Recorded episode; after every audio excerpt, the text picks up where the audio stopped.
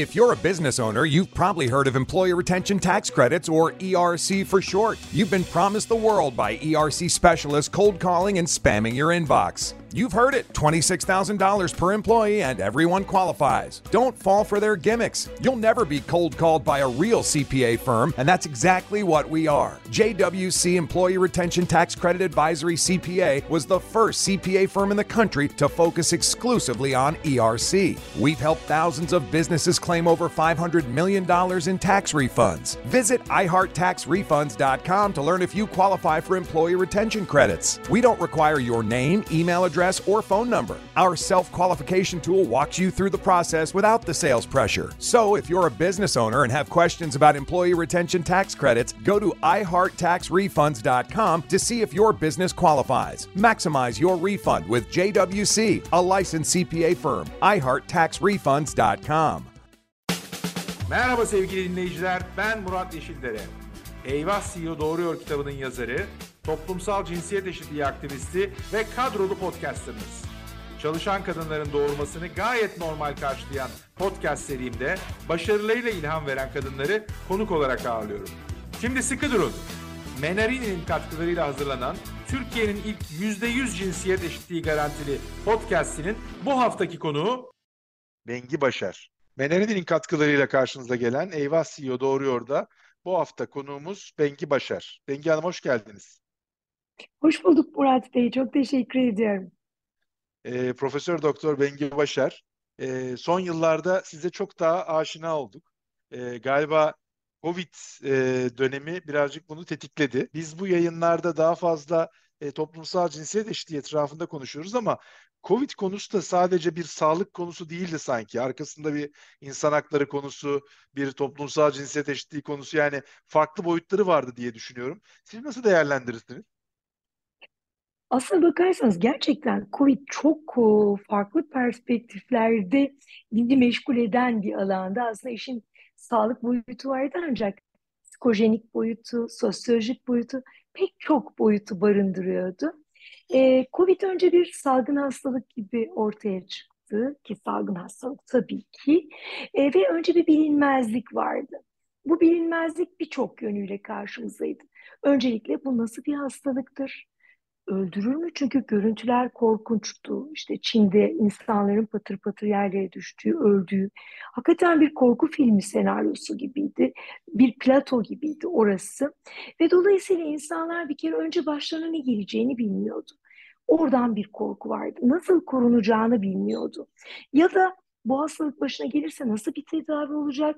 Ya da eğer bu hastalığa yakalanırsa çevresindekileri, en yakınındakileri enfekte ederek acaba kendisi ölmese bile onların ölümüne yol açar mı endişesi vardı. Yani önce bir benlik duygusu vardı. Ben hasta olur muyum? Olursam ölür müyüm? Ya da ben başkasını hasta eder miyim? Yani karşıdakiler birlik boyutu vardı. Ve bu boyutun içinde birçok tartışma oldu. Bu tartışmalardan biri de şuydu. Ya böyle bir virüs üretildi mi? Bilinçli olarak dünyaya yayılarak nüfusu azaltmak amacıyla mı çıkarıldı gibi bir takım bazen paranoidce e, düşünebileceğimiz belki tanrısal bazen de hakikaten e, bilinç altındaki şeyleri açığa vuran ya da gerçekten mantıklı olabileceğiniz düşündüğümüz birçok e, tartışma konuları oldu. Ancak bu konuda bile dünya çok ortada kaldı.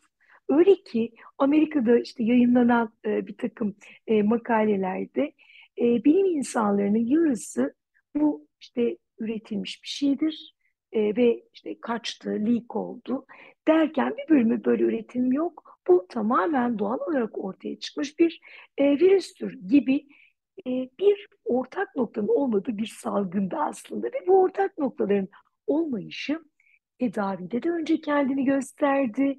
Tanı konulurken işte tipler farklı, işte yeterli e, yüzdelerle tanı koymuyor gibilerle başladı. Bulaşıcılığı konusunda pek çok e, kararsızlıklar oldu. İşte dokunmakla dendi, temasla dendi, arkadan damlacıkla. Çünkü bir bilinmeyen vardı. Ve bir bilinmeyen insanı her zaman korkutur. Onun için çok korktuk. Ve kendimizi koruduk. Daha sonra insanlar e, o konfor alanlarının dışına çıkma e, hissiyatına kapıldı. Çünkü bir insan varlık olarak konfor alanının dışına çıkmadan çok uzun süre yaşamını sürdüremiyor. Ve dolayısıyla inkar meka- mekanizmaları ortaya çıktı. Ya böyle bir şey yok. İşte bu bir aldatmaca. Nereden çıkardınız? Böyle bulaşıcı bir şey de yok. Herkesi öldürmüyor zaten gibi. İşte önce bir evlere sığındığımız noktada insanların artık açılması gerektiği, öncelikle maskelerin bizi koruduğu noktasından maskenin aslında anlamsız olduğu, sonra aşılar boyutuna geldiğimizde e, her gün neredeyse bir sağlıkçının öldüğü bir ortamda ülkemiz adına söyleyeyim.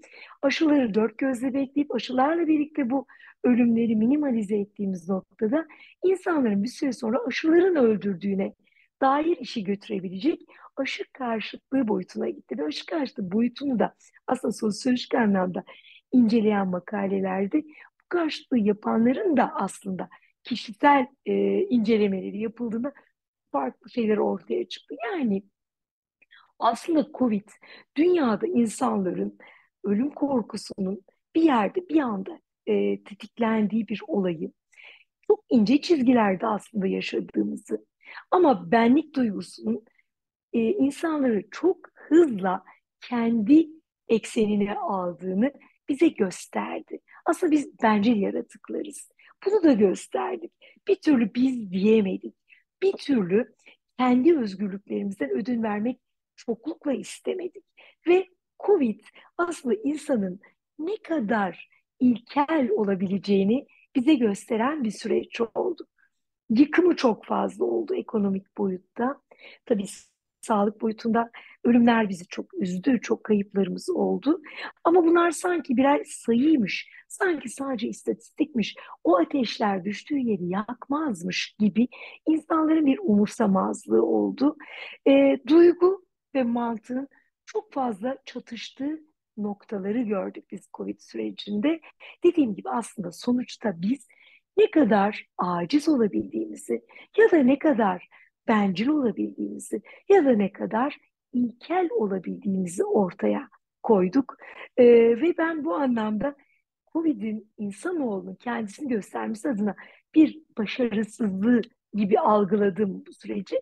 Ve bu süreçte de insanlara şimdiye kadar hep şifa dağıtmaya çalışan bir meslek grubu olarak ne kadar az insan ölürse ya da ne kadar az insan COVID olarak hasar almadan kurtulursa kârdır prensibiyle kendini ortaya atanlardan oldu.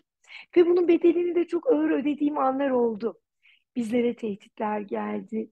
Ee, bizler sosyal medyada linç edildik. En çok linç edilenlerden biri oldum. Ee, küfürlere, hakaretlere, iftiralara o kadar çok şeye maruz kaldım ki e, üzüldüm.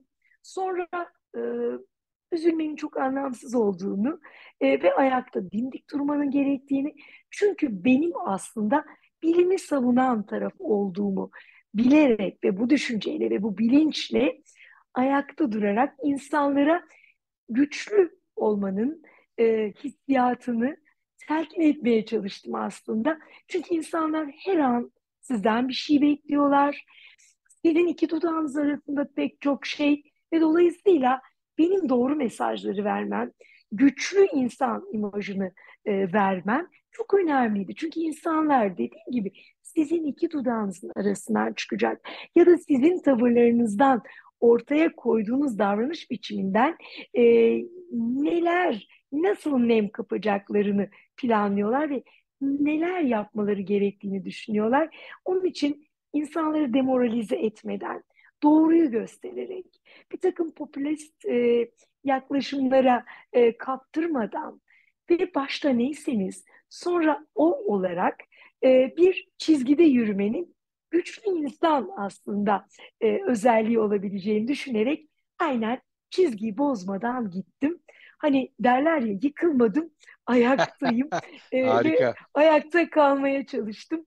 Bunca saldırının karşısında ve umut ediyorum ki pek çok insana e, elim değmiştir ve birçok insan bir şeyleri öğrenerek hayatta kalabilmiştir ve birçok insan bu hastalığa, pençesine bu hastalığın düşmeden e, ve daha sonra ortaya çıkabilecek bir takım organik ya da psikolojik bozuklukların pençesine düşmeden bu hayatta yaşamlarını idame ettireceklerdir. Bunun için çalıştım ve dileğim e, bu anlamda da inşallah e, insanların bunu anlayabilmesi, e, bunu bilebilmesi ve genç kuşaklara da ya da meslektaşlarıma da örnek niteliğinde bir devir geçirmiş olabilmek.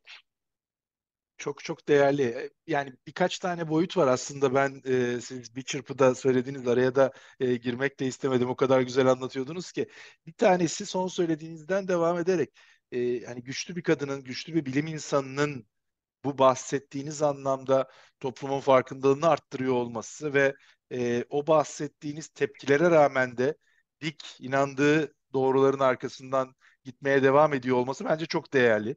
Yani o bence e, belki sizin e, mesleğinizi icra ettiğiniz ve verdiğiniz bilgiler kadar değerli bir rol modeldi. Ben onu çok önemsiyorum. Bir onun altını çizmek isterim. E, ikincisi de e, aslında birazcık sizin anlattıklarınızın etrafından başka bir tarafa yani bağlantılı olarak şöyle bir tarafa gitmek istiyorum. E, bu kadar büyük ve bu kadar e, önemli bir yaşanmışlıktan sonra toplum olarak Türkiye olarak da bakabiliriz, dünya olarak da bakabiliriz. Buradan biz bir öğretiyle, bir okumayla ayrılıyor muyuz? Yani yarın Covid değil de Movid ile karşılaştığımızda ya biz bunu çok farklı kucaklayacağız diyebilme lüksüne sahip miyiz şu anda? Emin değilim Murat Bey. Çünkü insanlar çok bölündü, çok grup grup. Bir bölüm evet bundan bir ders aldı diye düşünüyorum. Ee, devlet kademesinde bir takım dersler alınmıştır diye düşünmek istiyorum. Ancak salgınlar her çağda oldu. Ee, her zaman oldu. Her zaman olacak. Bu ne ilk ne de son. Ama insanlık her zaman özellikle biz toplum olarak bazen hafızamızın zayıf olduğunu düşündüğüm bir toplumuz. Bazı şeylerde çok duygusalız. Bir anda kaptırıyoruz. Bir anda o duygusallıkla e, bir akıl ve yürek bir araya geliyor. Doğru şeyler yapıyoruz ama sonra yavaş yavaş birbirlerinden ayrılmaya başlıyor. Sıkılabiliyoruz. Bazı şeyleri göz ardı edebiliyoruz. E, ancak e, belki de bu Covid süreci bize aslında birlikte hareket edilebildiğinde, ben değil de biz dendiğinde her şeyin çok daha kolay olabileceğini gösterdi. Aslında gösterdi ama bunu hepimiz gördük mü? Bu konuda emin değilim. Gören kesimin bir sonraki salgında her şeyin en doğrusunu yapacağına inanıyorum. Ama dediğim gibi en önemlisi aslında bunu görenin devlet kurumlarının olması başta Sağlık Bakanlığı olmak üzere. Devlet bunu gördü ve hafızasını aldıysa, bunu kayıtlarıyla özellikle tuttuysa ve buradan aldığı derslerle işte nasıl kurumu e, modernize ederim. Mesela biz hep şunu söyledik bu salgın boyunca. Bir hıfzı sahamız vardı dedik ama kapatıldı. Dediler ki aşılar yurt dışından ithal edildiğinde daha ucuza geliyor bize. Nasıl bir mantıksa bilmiyorum. Geçmişte 40'lı yıllarda Çin'e grip aşısı veren bir ülke şimdi birilerinin kapısında aşı bekler oldu. Ve bunun bir ciddi bir maddi portresi oldu. Bakın en büyük ders alması gereken devlet. Ve umut ediyorum ki işte aynen orada e, geçmişteki gibi bir hıfzı sahanın tekrar ortaya çıkarılması, işte araştırma geliştirme faaliyetlerinin çok daha aktive edilmesi, insanlara imkanlar tanınması, kendi aşısını tekrar üreten bir ülke olunması en büyük dersimiz olacaktır. Yapacağız dendi, göreceğiz. Ama yapmak zorundayız. En basiti budur aslında. Ya da işin belki en tepesi piramidin. Daha sonra toplumsal anlamda işte böyle bir salgında nasıl bir reaksiyon alacağımıza dair birazcık daha bilgimiz oldu. Ancak bir aşı karşıtlığıyla ne yazık ki mücadele etmek çok zor. Bakın bugün kızamık aşısını bile yaptırmıyor insanlar. Yani aşı karşıtı çocukluk hastalık ve polio e, şey yapıyor, çocuk e, felci hortluyor. Yani bizim bunlarla mücadelede eğitim sistemini tekrar aktive etmemiz, gençlerimizi, çocuklarımızı bu anlamda bilinçlendirmemiz gerekiyor. Yani Sağlık Bakanlığı gibi aslında eğitimin de Eğitim Bakanlığı'nın da işe el atması gerekiyor. Ailelere her boyutta bunu mahalle muhtarlarından işte mahallelerdeki kahvelerden her yere kadar okullara, eğitim kurumlarının her aşamasına kadar tek tek ilmik ilmik işlememiz gerekiyor. İşte bunları görerek toplumsal reaksiyonlardan daha öte devletin reaksiyonları daha önemli diye düşünüyorum. Ve burada bazı derslerin alındığını ama bu derslerin unutulmadan bir an önce sistemin içine sokulması gerektiğine inanıyorum. Ee, hiç yokken bir şeyler kafamızda yoktu. Çok rahattık. Tıpkı deprem gibi. Deprem oluyor her şeyi hatırlıyoruz. Akutu tekrar e, aktive edelim diyoruz. Binalar daha sağlam olsun diyoruz. İşte deprem çantaları diyoruz. Aynen ondaki gibi bu salgında bize aslında sopayla bazı şeyleri göstermeye çalıştı. Ama biz ne kadar aldık? Evet bir bölümümüz ders aldı ama ben bir bölümümüzün tamamen bunu kafasından sileceğini, böyle bir şeyi yok sayacağını ki aşı karşıtı da bunun bir e, parçasıdır. E, aşıyla canların kurtulduğunu hemen unutuverdi insanlar. Bugün trafik kazası bile neredeyse aşıya bağlayacak hale geldiler. Ama bir bölümümüz aşının e, ne kadar önemli olduğunu anladı. Bunun gibi aslında burada da bireysel farklılıklar var. Önemli olan bireysel farklılıkları e, tek bir çatı altında toplayıp kişisel inançlara, kişisel eğitim işte farklılıklara, kişisel eğitimlere bağlı kılmadan devletin çok net kurallarla, planlarla yürütmesi gerektiğine inanıyorum. Umut ediyorum ki devlet e, bundan ders almıştır. Umut ediyorum ki bugün bu hükümet vardır, yarın başka hükümet olur bu e, elde ettiğimiz acı tecrübeler sosyal hayata e, geçirilebilsin ve biz öğrendiklerimizi uygulamaya başlayalım. Dediğim gibi çok emin değilim herkesin hafızasında yer edip dersler aldıklarına. Peki e, bu e, salgının yönetimi açısından dünyadaki örneklere baktığımızda e, Finlandiya gibi, Yeni Zelanda gibi, hatta Almanya gibi göreceli olarak daha iyi yöneten ülkelerin e, kabinelerinin, devletlerinin başında kadınlar olduğunu görüyoruz. E, bununla ilgili sizin bir bilim insanı olarak bir gözleminiz var mı? Yani bu tamamen tesadüfi bir e, şey, gelişme ya da eşleşme değil diye düşünüyorum. Şimdi aslında kadınlara baktığımızda kadınlar biraz daha dijital, erkekler daha mekanik, daha düz. Kadınlar çok yönlü bakabiliyor. Kadınlar sadece mental yönden değil, duygusal yönden de bakabiliyor. Demin ifade ettiğim gibi biri ölmesin, bir anne yavrusunu yitirmesin ya da bir yavru annesiz babasız kalmasın gibi çok daha vicdani yönde bu erkekler vicdansız anlamında demek istemiyorum. Ancak kadınlar çok katmana dokunabiliyor. Onun için kadınların yönettiği sistemlerde o katmanlar bir araya getirilerek çok daha doğru, uyumlu bir sistem kurgulanabiliyor. İşte bu ülkelerde de öyle oldu. Yani duygularını, yüreklerinin sesini dinlediklerinde aslında bunu mantıkları mantıklarıyla birleştiklerinde ve çok yönlü düşündüklerinde aslında yönetim bu bir salgın yönetimi de olur. Bu bir ekonomik kriz de olur. Çok daha farklı oluyor. Yani kadın yöneticiler de mesela bugün çağımızda siz bu işin içindesiniz. Kadın yöneticilerin erkeklerden çok daha başarılı olduğuna dair pek çok yazı var, okuyoruz, makaleler ya da örneklerini görüyoruz. Dediğim gibi kadın çok yönlü bakabiliyor. Aslında kadın zeki bir varlık. İşin içine duyguyu kattığında ama duyguyu anlamsız bir şekilde değil, yerine oturtarak zekasını kullanarak kattığında çok daha büyük bir başarı elde edebiliyor. Ee, onun için ben kadınların olduğu o sistemlerde daha büyük başarıların elde edildiğine şahit oldum. Bilmiyorum belki herkes farklı düşünebilir ama ben bu anlamda böyle düşünüyorum. Ee, pandeminin yani salgının bir boyutu da tabii e, uzunca bir süre evlere kapandık. E, Türkiye gibi ülkelerde e, çekirdek ailelerin e, küçük ortamlarda evin içinde yaşıyor olması beraberinde e, hem ekonomik sıkıntıları getirdi, kadınların özellikle gene iş hayatının dışında kalması, onların daha çok çalıştığı hizmet gibi sektörlerde daha hızlı bir küçülmenin yaşanması. Bir tarafta da tabii o evin içindeki kapalı ortam şiddeti, gerginlikleri, aile içi huzursuzluğu da yukarıya doğru çekti, arttırdı. E, bununla ilgili gene sizin gözlemlerinizi de sormak isterim. E, bu anlamda e, hem yapılanlar hem de yapılabilecekler açısından baktığınızda nasıl değerlendiriyorsunuz geçtiğimiz iki, iki buçuk yılı?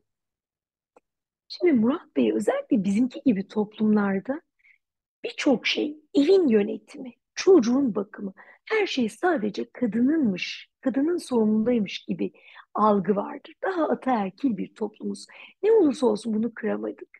Şimdi böyle bir dönemde de yani dışarıdan temizlikçi alamıyor, dışarıdan kimse getiremiyor, dışarıdan yemek alamıyor, her şey evde yapılıyor. E yani erkek sadece dış ortamda işte evine işte bir, bir para getiren, kazanan, evinin ekonomik durumunu yürüten bir unsur, bir parça gibi algılandığı için erkek bir tarafa çekildi. Bunu yönetiyor. E ne oldu? Her şey kadının sırtına oldu. Evde yemekler yapılıyor, kadın yapıyor, temizlikler yapılıyor, kadın yapıyor. Çocuklar okula gitmiyor. Çocukların eğitimi ben kendimde de bunu geçmişte çok gördüm. Çocuğun eğitimi sanki sadece annenin sorumluluğu gibi. Bakın bütün evlerde böyle değildir ama bunun yüzde yetmişi, sekseni çevremizde gördüğümüz, toplumda, etrafımızda böyle. Her şeyde çatı kadın. Onun için böyle bir süreçte kadının üzerine o kadar yüklenildi ki kadınlar artık çıkamaz oldu işin içinden. Bir de dediğiniz gibi şimdi bir iş kaybı yaşandı. Sonuçta ekonomi daraldı. İşten çıkarmalar. Bunlarda bile işten çıkarırken daha çok kadınların işten çıkarıldığını, Avrupa'da da aynı şekilde kadın iş gücünde ciddi bir kayıp yaşandı. Yani hep öyle bir algı var. Erkek işte evin reisidir, evin kazancını sağlar. Kadınsa evin aslında çatısıdır. Evet kazancı da ortaktır bizim gibi toplumlarda ama onun başka fonksiyonları vardır. O zaman seçeceksek biz kadını evde oturan unsur, erkeği de işte dışarıda çalışan unsur gibi algılayalım ve kadınların bu anlamda çok bunaldığı bir süreç oldu. Özellikle orta yaş kadınlarda çok inanılmaz bir agresiflik, inanılmaz bir e, nasıl diyeyim size tutarsızlık, sabırsızlık, garip bir şey peyda oldu Covid'den sonra. Gelen hastalarda da bunları görüyoruz. Ve sürekli o insanları tamponlamak zorunda kalıyoruz. Yani karşınızda bir hasta var, siz onun derdine derman olmaya çalışıyorsunuz, onu dinlemek zorundasınız. Dinlemeli, dinledikten sonra derdini çözmeli, derman olmalısınız ama o dinleme konusunda inanılmaz. Yani daldan dala geçiyor, tutarsızlıklar arkası arkasına geliyor ve yani siz bir şey sorarken bile vakit geçerken karşıda müthiş bir sabırsızlık, e, bir terslik söz konusu. Yani e, ben bu kadar çok agresif insanı şu son Covid'den sonraki dönemde, 2-3 yıl dönemde ben 32 yıllık bu meslekteyim. Hiç görmemiştim Murat Bey.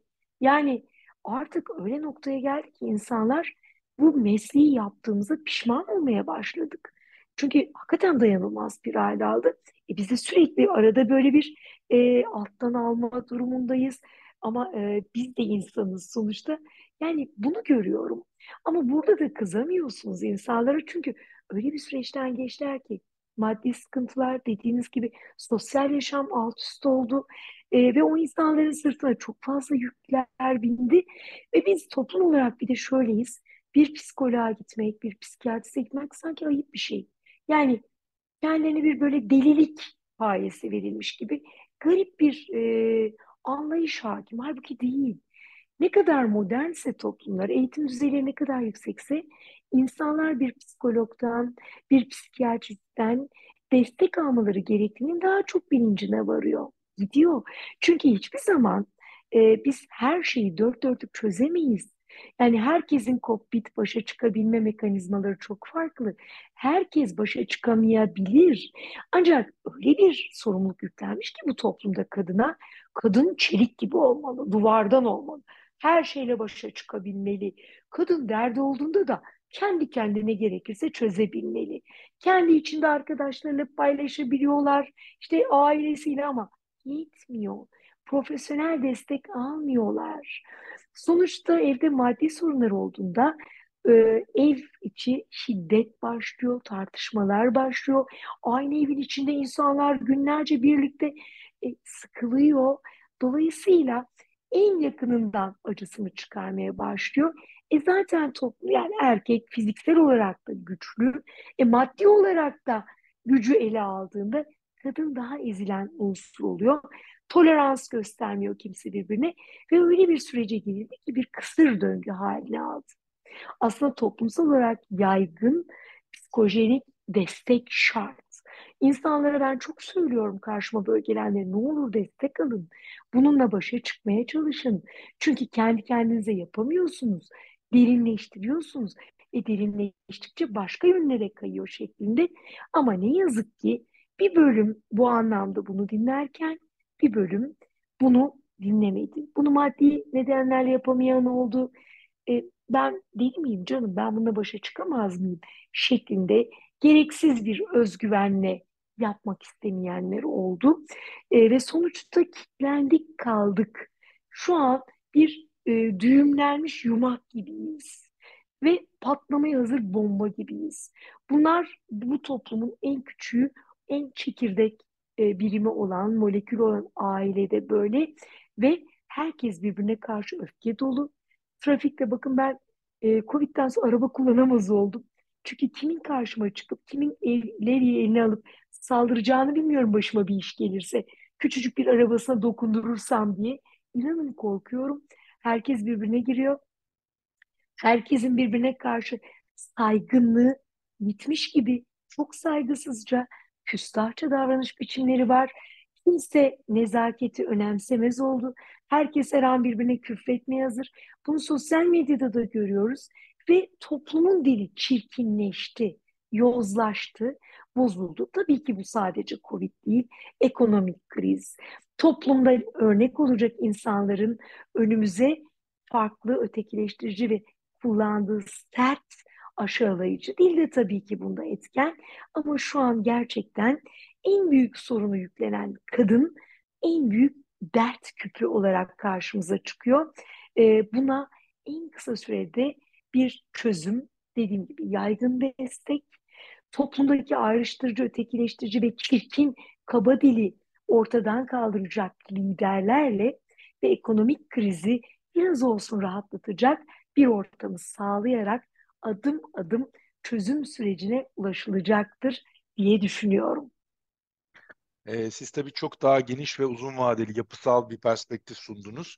Ee, sizi dinlerken ben bir yandan da bu sizin resmettiğiniz içinde bulunduğumuz dönemde e, akut olarak bakıldığında e, İstanbul Sözleşmesi'nden çıkan bir Türkiye, 62-84'ü tartışan bir Türkiye var. Yani bir taraftan e, artan bir gerilim var sistemin içinde, aile içi ve toplumun içinde ama öteki taraftan da e, o aile içi şiddeti önlemeye yönelik veya e, özellikle kadınlara yönelik şiddeti önlemeye yönelik 62-84'ün e, tartışılmaya başladığı başka bir ülke var. E, bunu soru olarak değil sadece ben yorum olarak e, şey e, paylaşmış Evet. olayım. Toplumsal cinsiyet eşitliği her zaman söylediğimiz gibi güçlü ve sağlıklı bir toplum yolundaki olmazsa olmaz kavramlardan bir tanesi. Daha fazla sağlık, daha fazla mutluluk, daha fazla hayat misyonuyla ilerleyen Menerini'nin konuklarımıza şöyle bir sorusu var. Daha mutlu ve eşit bir toplum için toplumsal cinsiyet eşitliği bağlamında hemen bir şeyi değiştirecek gücünüz olsa bu ne olurdu? Ah, ilk o kadar çok şey var ama ilk önce şöyle başlamak lazım. Yönetenlerden, e, meclisten, bugün için en çok ko- konuşulan e, birçok şey hep erkek, erkek cinsiyeti üzerine kurgulu. İlk önce mecliste kadının temsilini artırmak. Devlet yönetiminde bakıyorsunuz mesela kabineye işte Finlandiya dediniz örneğini verdiniz Yeni Zelanda dediniz Kanada'ya bakıyorsunuz Almanya'ya bakıyorsunuz birçok ülkeye baktığınızda kabinede kadının çok yüksek oranda temsilini görüyorsunuz. Bir de geliyorsunuz arada bir göstermelik bir kadın figür görüyorsunuz. Bence en önce başlanacak şey meclisteki temsil, devlet yönetimindeki temsil, devlet kurumları ve özel sektörde kadının temsiliyle başlar. Kadın burada temsil edilmeye başladığında toplumun en büyük örneği olacaktır. Ve ondan sonra yavaş yavaş bir domino taşı gibi aşağı yansır. Kadının güvenini artırmak gerekir. Kadının güvenini artırmak mesleki anlamda donanım sağlamakla olur. Ve dolayısıyla Anadolu'da hala baktığımızda kız çocuklarının hemen küçük yaşta evlendirmeye çalışıldığı, bu son yıllarda tekrar e, sil başa çünkü döndürülmeye çalışılıyor.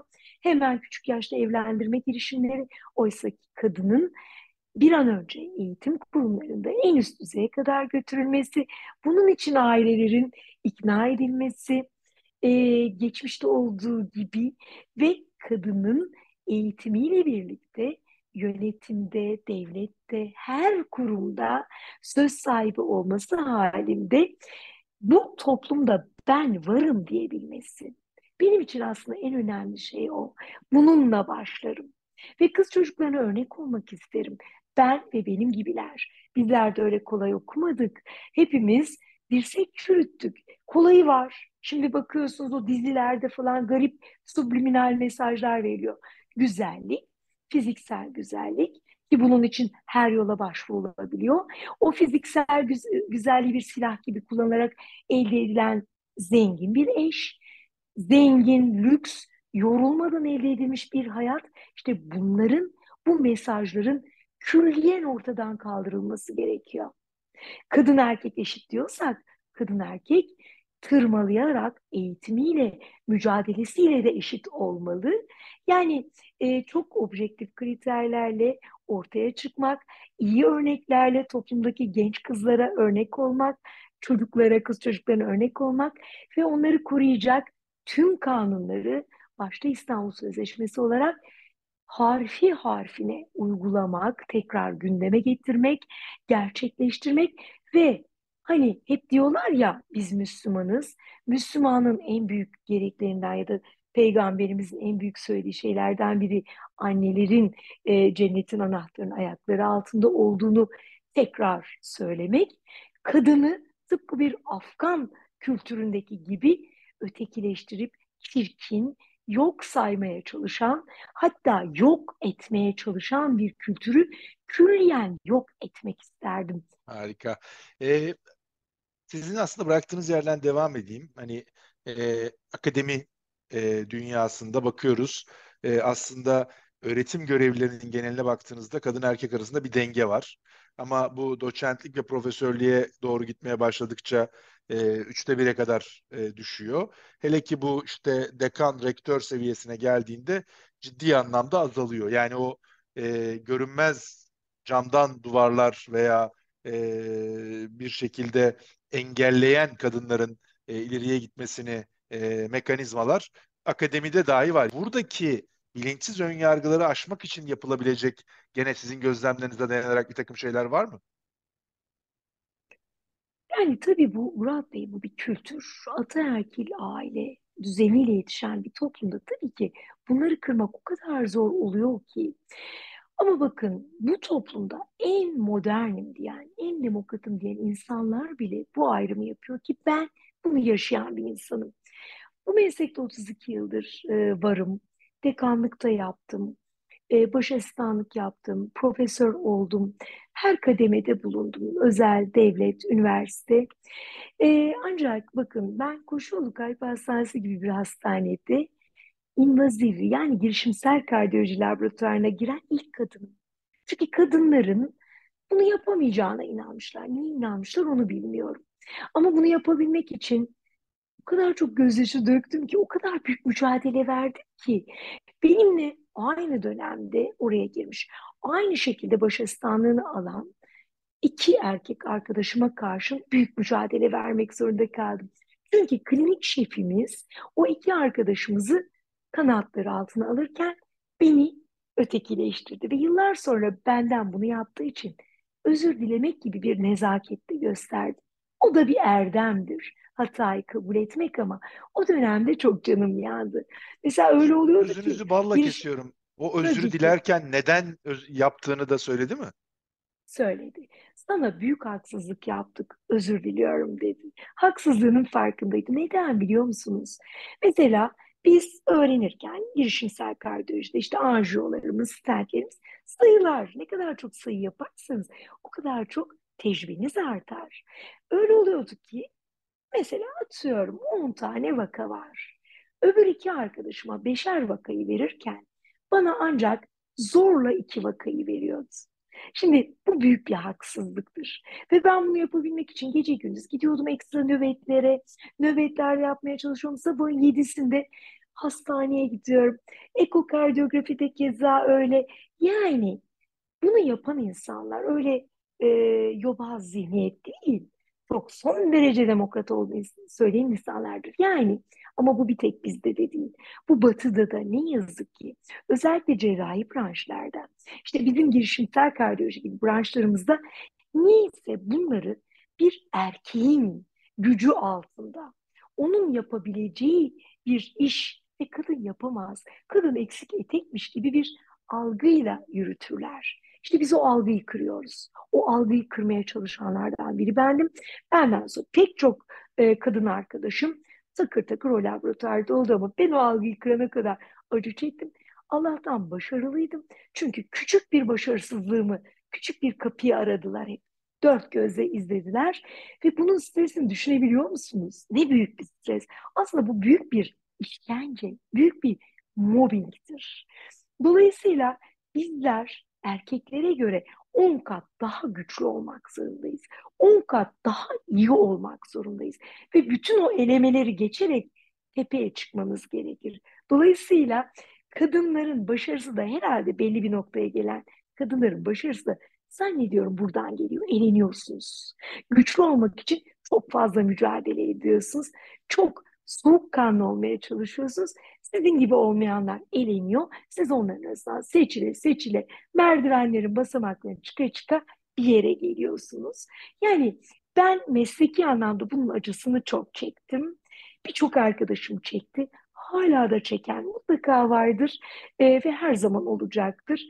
Ancak bir toplumu modernize ederek bu erkek kadın farklılığını ortadan kaldıracak bir takım düzenlemeleri kadına, e, kadın lehinde yaparak kadına gücünü teslim ederek biz bunların üstesinden gelebiliriz diye düşünüyorum ve işte onun için demin ifade ettiğim gibi kadının her alandaki temsilini çok önemsiyorum. E, ben sizin anlattıklarınızda bu son özellikle anekdotta e, şeyi de çok önemsiyorum. Çünkü e, bu podcast'i dinleyenler hatırlayacaklardır. E, zaman zaman dile getirdiğim bir konu. Bu camdan tavan, camdan duvar konusunu e, kadınlara e, sorduğumda e, birçok kadın ya evet var ama biz yaşamadık hiç öyle bir şey diyor. Yani ben bir erkek olarak onlara camdan tavan ve e, camdan duvarın varlığını kanıtlamak durumunda hissediyorum. Siz aslında açık kalplikle yaşadıklarınızı, o zorlukları e, görüyorsunuz. Çünkü o e, şu açıdan bana önemli geliyor. O okumayı yapmadan öğrenip de sizden sonra gelen veya sizinle birlikte yürüyenlere o el vermek, destek verebilmek mümkün değil. Yani ben yaptım, ben buraya geldim, herkes gelebilir diye bakmak bana çözüm gibi gelmiyor. Yani o yüzden de bu zorlukları e, dile getiriyor olmanız, onlarla ilgili bu e, içgörüyü yaratmış olmanızı çok değerli buluyorum. Teşekkür ederim. Bir de benim bozulduğum nedir Murat Bey? Ben bunu sanki daha böyle Orta Doğu toplumu, daha Doğu zihniyeti gibi görüyorum. Ya ben bu zorlukları çektim demin ifade O da çeksin kardeşim. Her zaman için hem cinslerime destek olmak gerektiğini düşünün ve benim çektiğimi çekmesin kardeşim. Benim çektiklerim ben kızımın çekmesini istemiyorum. Kızım çok daha e, rahat bu hayatta tutunabilsin. Niye? Yani belli bir yaşam süremiz var. Neden bu yaşam süresini acı çekerek biz yaşayalım, geçirelim? Biz daha mutlu olarak, daha özgür, daha istediklerimize istediğimiz tarzda giderek elde edelim. Niye acı çekelim? Niye savaşalım? Savaşı sevmiyorum ki. Güzel olan barış. Ama ben savaşarak o barışı elde etmeye çalışıyorum. İstiyorum ki insanlar savaşmadan barışı elde etsin. Barış onların kucağına kolayca gelebilsin. Onun için ben bunu çektim bu olsun. Bu şeye benziyor. Bazı ebeveynler vardır. Kardeşim ben yokluktan geldim, mücadele ettim. Çocuğum da mücadele etsin. Ya evet mücadele güzeldir. mücadele de etmek gerekir ayrıca. İnsan olgunlaşması için mücadele de gerekir. Siz bir fanus içinde evladınızı yetiştirdiğinizde ya da genç kuşakları yetiştirdiğinizde onlar o e, dış etkenleri, o düşmanları, o e, nasıl savaşacaklarını e, bilemezler. Çok zayıf kalırlar. Belki de bağışıklık sistemleri gelişmeyebilir ama sizin savaştığınız silahları da kardeşim kullanmak zorunda kalmasınlar. Eskiden topla tüfekmiş, şimdi çok daha modernize silahlar var. Bunun gibi. Yani onlar o savaşacakları alanı ya da o enerjilerini daha farklı şeylere elde etmek için kullansınlar. Dolayısıyla ben zorla buraya geldim, çocuğum da zorla gelsin değil. Ben geldim, ben onu daha üstten başlatayım, daha yukarı taşıyayım. O oradan daha da alanını genişletsin şeklinde kullanabilirim. Bunu çocuğum için de böyle kullanırım. Bunu iş arkadaşım için, asistanım için, hayata yeni başlayan birisi ya da benden feyz almaya çalışan, benden destek isteyen, e, benden fikir isteyen biri için de bunu böyle kullanmak isterim. Onun için insanlar tecrübelerini aktarsınlar, çektikleri acıları aktarmasınlar. O acıları onlara birer yol olarak sunsunlar ama o acıyı çektirmek için değil. O acıyı çektirmeyi de amaç edinmesinler. Benim en büyük hayattaki e, düsturum ya da en büyük şeyim bu. E, önem verdiğim konu bu. Harika. Ee, bu podcast'ı dinleyenler toplumsal cinsiyet eşitsizliğinin müsebbibi olarak e, erkekleri yani bunun bir erkek meselesi olduğunu e, defalarca söylediğimi hatırlayacaklardır. E, bununla birlikte hani bunu bir dipnot olarak koyduktan sonra şu ana kadar hep bu sistemi düzeltmeyi konuştuk ve aslında karar noktasında olanların neleri farklı yapabileceğini veya aslında sistematik olarak nelerin değişebileceğini konuştuk. Öteki taraftan siz hem işiniz, mesleğiniz gereği hem akademik hayat hem de içinde bulunduğunuz toplum e, içinde de farklı e, kadınlarla bir arada oluyorsunuz. Hayatlarının, kariyerlerinin değişik safhalarında olan hatta bazılarına el veriyorsunuz, yol gösteriyorsunuz. Bu çerçevede bakıldığında e, genel bir tespitiniz var mı? Hani aslında kadınlar da şunu daha farklı yapabilir veya şunu değişik ele alabilirler. E, bu anlamda bu konuştuğumuz e, toplumsal cinsiyet eşitliği yolculuğunu hızlandırabilmek için. Murat Bey, kadınlar önce şunun farkına varmalılar. Kadın güçlüdür. Yani ay ben bunu yapamam, ay çok güçsüzüm. İşte ben e, süslenirim. Böyle bir dişiliğimi ön plana alırım ve toplumda böyle yer edinir. Böyle bir şey yok. Kadın çok güzel olmak zorunda da değil. Bakımlı olabilir. Bakımlı olmak bir erkek için de önemlidir. Bu kendinize ve karşınızdakine duyduğunuz saygıdır. Ancak kadınlar şu şeye sıkışıyor sadece görüntü. Sadece görüntü her şey demek değildir. Kadınlar her zaman kendilerini, içlerini, dışlarını süsleyecek şeylerle, en başta da zihinliğini süsleyecek verilerle, çalışmalarla, amaçlarla yol almalılar. Kadın önce güçlü olduğunu bilmeli, farkındalığı olmalı. Farkındalığı olduğu sürece kadın daha iyiye nasıl ulaşabileceğinin bilgi birikimiyle olduğunu bilmeli. Bunun için okumalı. Her alana girebilmeli. Ben yapamam değil. Ben yaparım. Ama yapmak için de neler yapmam gerekir? Bunu öğrenmeliyim. Şundan destek almalıyım. Gerekirse o destekleri daha büyüterek başkalarına da destek olabilmeliyim. Ben aslında merkezdeyim diyebilmeli. Yani kadının farkındalığı, kadının kendi gücünü bilmesi, kadının gücünü artırmak adına sadece dış görüntüsünü değil, iç e, yapısını, donanımını, bilgi birikimini geliştirmesi bence en önemli unsurdur. Ve bir kadın hep şunu anlamalıdır ve şunu düşünmelidir. Ben bunu yaparım. Çocukluğumdan itibaren böyleydim. Hep acaba başkalarına nasıl başka kadınlara nasıl iyi örnek olabilirim? Değil. Onları da benim gibi bu toplumda bir e, grup halinde yer almaya itebilirim. Kadın bunu düşünmelidir. Kadın bir güç olduğunu bilmelidir. Gücünün farkında olup o gücü istediği gibi iyi bir yönde kullanabilmelidir. Benim en büyük şeyim bu. Kadına verdiğim, e, biçtiğim değer ya da gördüğüm rol aslında bu. Bunu yaptığı anda kadın toplum ona saygı duyar. Bir insan önce kendisine saygı duyuyorsa başkaları da ona saygı duyar. Bir insan önce kendini beğeniyorsa başkaları da onu beğenir. Bir insan önce kendisini seviyorsa başkaları da onu sever. Bir kadın işte bu kavramlarla yola çıkmalıdır. Ben bunu düşünüyorum, buna inanıyorum, bunu yapmaya çalışıyorum. Harikasınız. Gönlünüze sağlık. Ee, bize de çok güzel bir manşet verdiniz. Basit ama net, kadın güçlüdür diyerek. Ee, iki şeyin altını çizdiniz ki ben de bir kez daha altını çiziyorum. Hani bir, kadının kendisi için yapacakları ve onu yaparken de kendinden sonrakilere açacağı yol. Ama eş zamanlı olarak da aslında e, siz kullanmadınız ama ben e, o kavramı seviyorum. Kız kardeşlik kavramı. E, kendisiyle e, o yolda yürüyen e, diğer kadınların önünü açacak şekilde de veya onlara el vererek de yol göstererek de ileriye doğru taşıyor olması e, çok çok değerli ama gene en başa dönüyorum.